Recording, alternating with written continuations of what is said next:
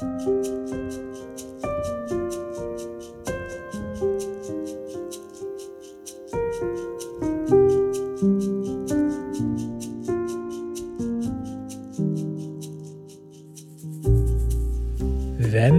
er det som trenger gode hyrder eller gjetere?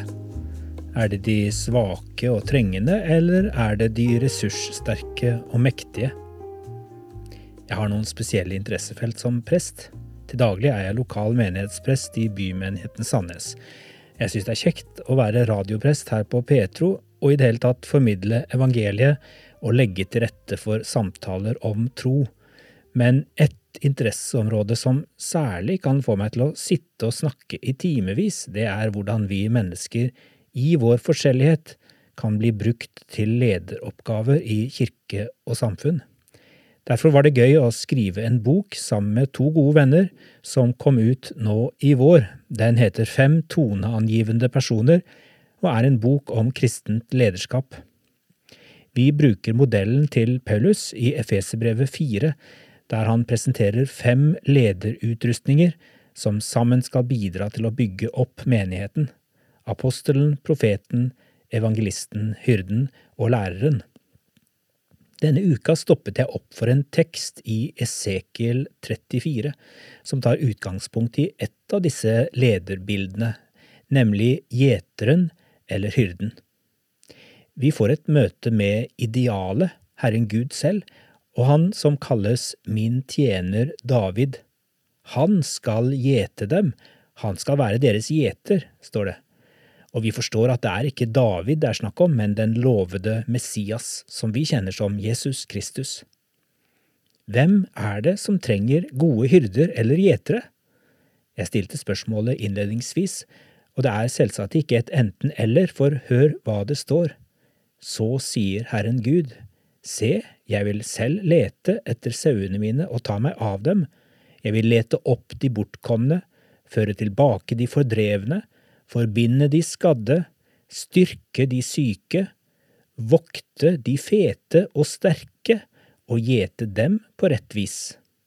La du merke til at etter å ha ramset opp disse kategoriene av svært trengende og lidende mennesker, så nevnes plutselig de fete og sterke også de skal gjetes på rett vis. Hva har dette med kristent lederskap å gjøre? Det handler om hvem vi gir vår oppmerksomhet, vi som står i en lederoppgave i Guds rike. Enten du er satt til å lede en arbeidsplass, en menighet, eller det handler om å være et åndelig forbilde for barn, barnebarn eller noen du er kanskje onkel eller tante til, hvem får din oppmerksomhet? Er du mest opptatt av å styrke de syke og svake, eller hender det også at du vokter de fete og sterke og gjeter dem på rett vis?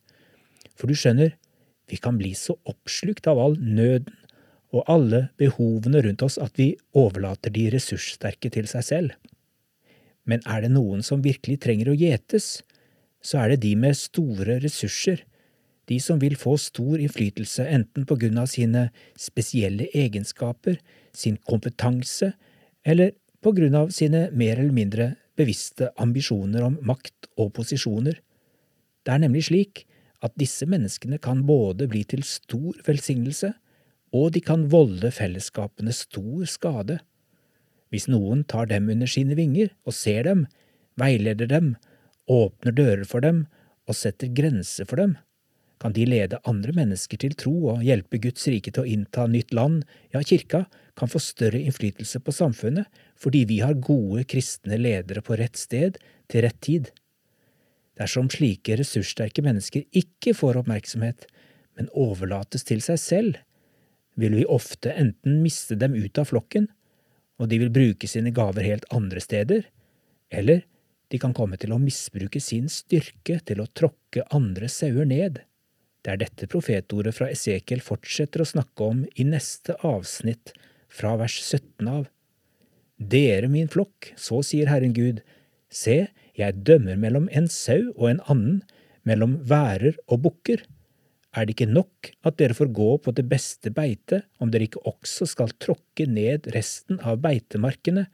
Er det ikke nok at dere får drikke det klare vannet, om dere ikke skal grumse til resten med føttene også, skal flokken min ete det som dere har tråkket ned, og drikke det dere har grumset til.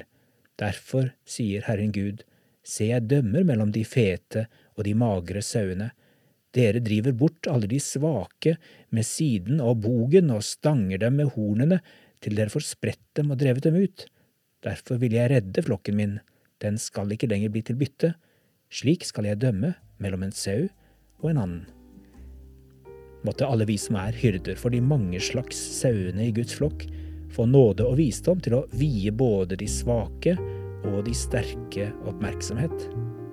Og at vi som er ledere, selv la oss gjete av den gode hyrden, Jesus Kristus, han som vil beskytte oss alle fra undertrykkelse, urettferdighet og maktmisbruk, både når trusselen kommer utenfra, og når den kommer fra vårt eget indre.